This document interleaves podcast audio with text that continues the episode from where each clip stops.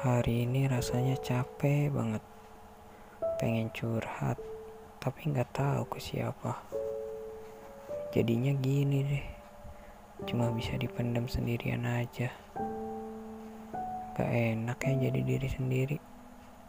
Gak tahu deh kenapa.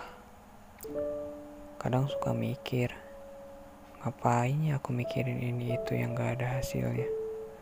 Gak jelas emang. Kadang ada rasa pengen punya usaha.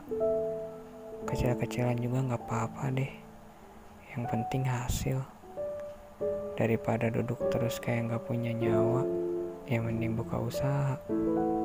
Tapi gimana ya mulainya? Ah, aku nggak apa-apa kok. Apa sih yang perlu dikhawatirin?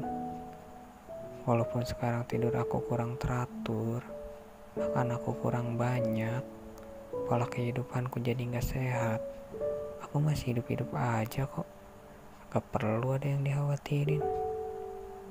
Emang sih, kadang suka pengen belanja di online shop. Jiwa tuh kayak nggak tahan gitu lihat diskonan. Padahal keadaan dompet sedang tidak karuan. Aneh memang. Patah hati pas mantan kirim surat undangan.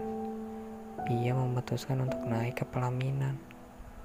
Sementara di sini masih ada hati yang gak karuan. Tapi gak apa-apa kok. Itu kan sudah jadi keputusannya. Lagi pula, kan yang terpenting dia bahagia. Gak bisa diatur banget sih ini badan. Padahal Tadi udah siap buat nahan segala cobaan.